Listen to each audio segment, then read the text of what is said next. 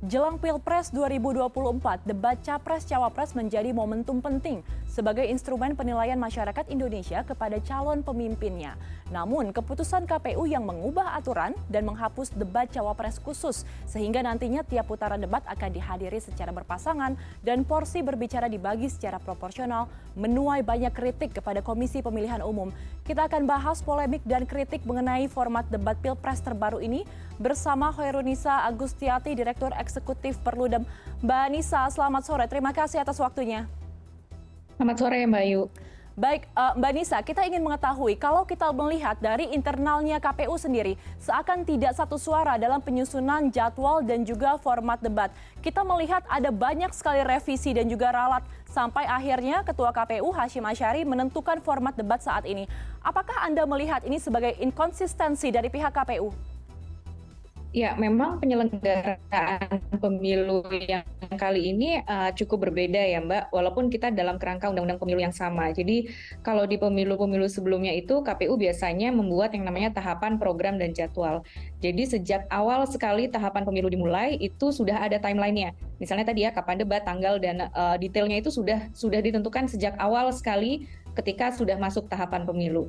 Nah, berbedanya dengan tahapan pemilu uh, 2024 ini, KPU itu di awal hanya mengeluarkan tahapan dan program. Jadi jadwal itu uh, belakangan munculnya. Jadi tergantung dari uh, apa pertahapan. Jadi misalnya baru masuk pendaftaran pemilih, baru dibuat timelinenya khusus pendaftaran pemilih, kampanye pun demikian termasuk juga dengan debat ini. Makanya ketika kemarin KPU sempat di awal merilis tanggal debat, bisa jadi ada revisi lagi gitu ya karena uh, apa manajemennya berbeda dengan pengelolaan pemilu-pemilu sebelumnya. Nah ini yang sebetulnya juga uh, menjadi catatan karena yang namanya penyelenggaraan pemilu itu kan harus apa predictable prosedur prosedurnya harus bisa diprediksi dari jauh-jauh hari supaya bisa memberikan kepastian hukum. Nah kepastian ini kan penting buat peserta, buat penyelenggara itu sendiri, termasuk juga kita sebagai publik gitu ya untuk tahu kapan sih jadwal debatnya. Nah ini memang pengelolaan yang uh, berbeda ini sehingga seolah-olah gitu ya kita sebagai publik melihatnya uh, kok kemudian ada perubahan-perubahan yang menyebabkan tadi seolah-olah proses de menuju debat ini tuh belum bisa diprediksi baik itu tanggalnya ya kemarin sempat ada revisi lalu formatnya pun juga uh, beberapa kali statementnya KPU tuh berbeda ya misalnya antara yang anggota yang yeah. satu dengan anggota yang lain gitu misalnya uh, berbeda-beda gitu padahal tadi di jadwal debat pertama itu akan 12 Desember, artinya sudah 8 hari lagi. Tapi sampai sekarang kita masih belum fix nih, belum firm uh, apa metode formatnya akan seperti apa.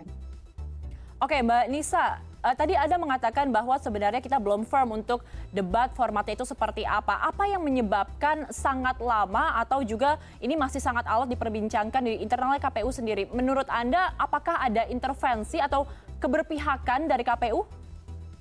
Ya, saya melihat bahwa uh, eh, KPU hari ini itu memang uh, apa ya membuka ruang uh, apa membuka ruang untuk diskusi untuk konsultasi apa pun istilahnya gitu ya dengan stakeholder-stakeholder yang lain. Memang itu perlu dilakukan. Penyelenggara pemilu perlu inklusif gitu ya, mendengar masukan dari banyak pihak.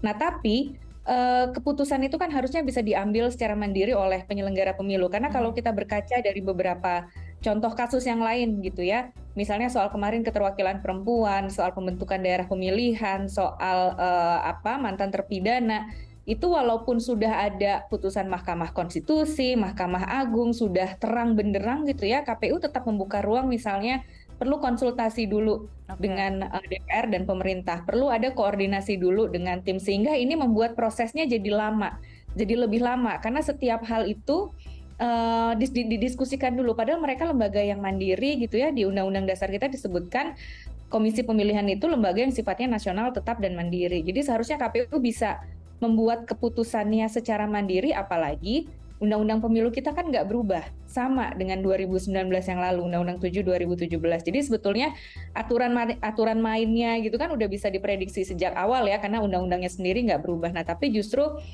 undang-undang yang nggak berubah tapi kok seolah-olah kita jadi apa ya belum ada kepastian nih misalnya tadi ya untuk format debat kemarin juga soal jadwalnya yang berubah gitu ya nah itu yang kemudian menjadi uh, pertanyaan publik kan kepada penyelenggara pemilu. Baik, uh, Mbak Nisa, saya ingin mengutip pernyataan dari Ketua KPU Hashim Asyari yang menyatakan bahwa konsep debat ini sebenarnya telah disepakati oleh seluruh paslon dan juga tim sukses. Namun terakhir Anies Mohaimin menyatakan bahwa mereka memprotes aturan debat terbaru ini. Begitupun dari TPN Ganjar Mahfud yang juga mengatakan bahwa ini seperti akal-akalan dari KPU saja. Mengapa sampai ada perbedaan pandangan yang sedemikian ekstrimnya seperti itu, Mbak?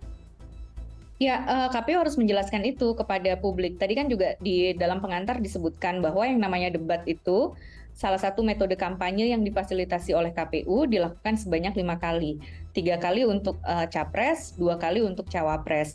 Nah sehingga uh, itu adalah dasar hukum yang seharusnya menjadi pegangannya KPU.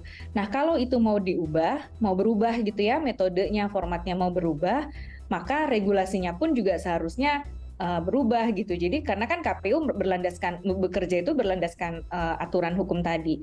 Nah, ini artinya kan mungkin ada sesuatu yang tidak terjelaskan gitu ya dalam hmm. rapat yang mereka lakukan dengan LOLO uh, apa peserta pemilunya dengan partai politik. Mungkin ada sesuatu hal yang tidak disampaikan sehingga merasa keputusan ini sepihak. Nah, akhirnya kan sekarang KPU harus menjelaskan kepada publik ini ini kita jadinya debatnya belum mulai tapi kita di publiknya berdebat soal siapa ini usulan siapa, metodenya akan seperti apa kan seharusnya ini tidak perlu uh, terjadi karena tadi ini regulasi yang sama yang kita gunakan dengan 2019 yang lalu gitu. Tidak undang-undangnya tidak baru gitu ya. Kita nggak hmm. harus adaptasi dengan regulasi yang baru.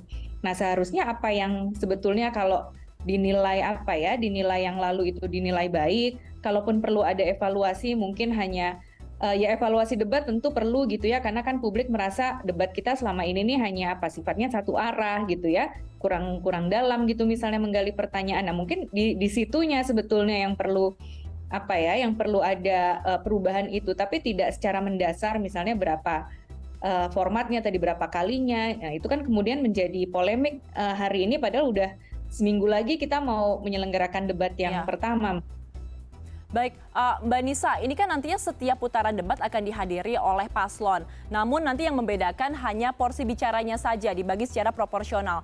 Apakah kalau misalkan jadi seperti itu, format debat yang telah diungkapkan ke publik ini tepat supaya publik bisa menilai setiap individu dari masing-masing capres dan juga cawapres kualitasnya seperti apa atau justru malah sebaliknya ini menghilangkan hak masyarakat untuk bisa menilai kualitas calon pemimpinnya? Ya, kita selalu me, apa ya menyuarakan bahwa uh, pemilih harus jadi pemilih yang cerdas, harus jadi uh, well informed uh, voters gitu ya, uh, pemilih yang berdaya. Nah, pemilih bisa menjadi pemilih yang cerdas, well informed voter, pemilih yang berdaya kalau kemudian bisa difasilitasi dengan uh, oleh penyelenggara pemilu dengan menghadirkan tadi memberikan kami sebagai pemilih gitu ya betul-betul bisa menilai seperti apa calon pemimpin yang akan dipilihnya. Salah satunya memang dengan debat. Nah, debat ini kan dalam debat ini kita nanti kan tidak hanya melihat uh, kedalaman dari masing-masing pasangan calon ini terkait suatu isu gitu. Tapi kita juga akan melihat gesturnya, uh-huh. melihat spontanitas gitu ya, melihat artikulasi. Itu yang juga nanti kemudian akan dinilai oleh publik. Nah, bagaimana publik bisa menilai itu kalau kemudian tidak difasilitasi kesempatan publik untuk bisa memberikan penilaian itu tidak diberikan gitu. Uh-huh. Kan penyelenggara pemilu ini ya memfasilitasi kebutuhannya uh, masyarakat tadi ya untuk menjadi pemilih yang tadi lebih berdaya dan sebagainya. Dan kita sebagai publik sebetulnya kan juga ingin kampanye kita nih bisa naik kelas. Kampanyenya nggak cuma sekedar yang sifatnya hiburan gitu ya, nggak sekedar menunjukkan citra diri di media sosial, tapi betul-betul yang beradu gagasan. Apalagi ya. pemilih kita nanti mayoritas adalah pemilih muda yang saya yakin uh, sangat kritis dan di Undang-Undang Pemilu sendiri dikatakan bahwa yang namanya kampanye itu pendidikan politik yang dilakukan secara bertanggung jawab. Hmm. Nah, pendidikan politik yang dilakukan secara bertanggung jawab itu dengan cara-cara yang uh, dialogi seperti ini dan apalagi penyelenggara pemilu KPU diamanahi oleh undang-undang untuk memfasilitasi uh, apa kampanye dalam uh, debat ini gitu. Baik Mbak Nisa terakhir dengan banyaknya kritik yang mengarah pada KPU atas format debat terbaru ini, apakah masih ada kemungkinan untuk merubah format debat hingga nantinya debat khusus untuk cawapres tetap terlaksana? Iya, itu uh, saya rasa ya KPU harus cepat ya, karena tadi kita berkejaran dengan waktu. Masa kampanye ini hanya 75 hari. kalau 2019 itu cukup panjang, hampir tujuh bulan masa kampanye. Sekarang hanya 75 hari, waktu yang dibutuhkan nggak banyak untuk persiapan, untuk uh, apa ya, untuk debatnya itu sendiri waktunya nggak panjang. Makanya hmm. penyelenggara pemilu dalam hal ini KPU harus siap, harus firm gitu loh sejak awal. Yang menunggu ini bukan hanya publik, tapi saya rasa uh, peserta pemilunya pun juga menunggu nih. Jadi formatnya seperti apa sih? menunggu kepastiannya seperti apa karena kan mereka juga harus uh, bersiap gitu ya nanti dalam menghadapi debat walaupun mereka harus siap dengan apa pun gitu ya.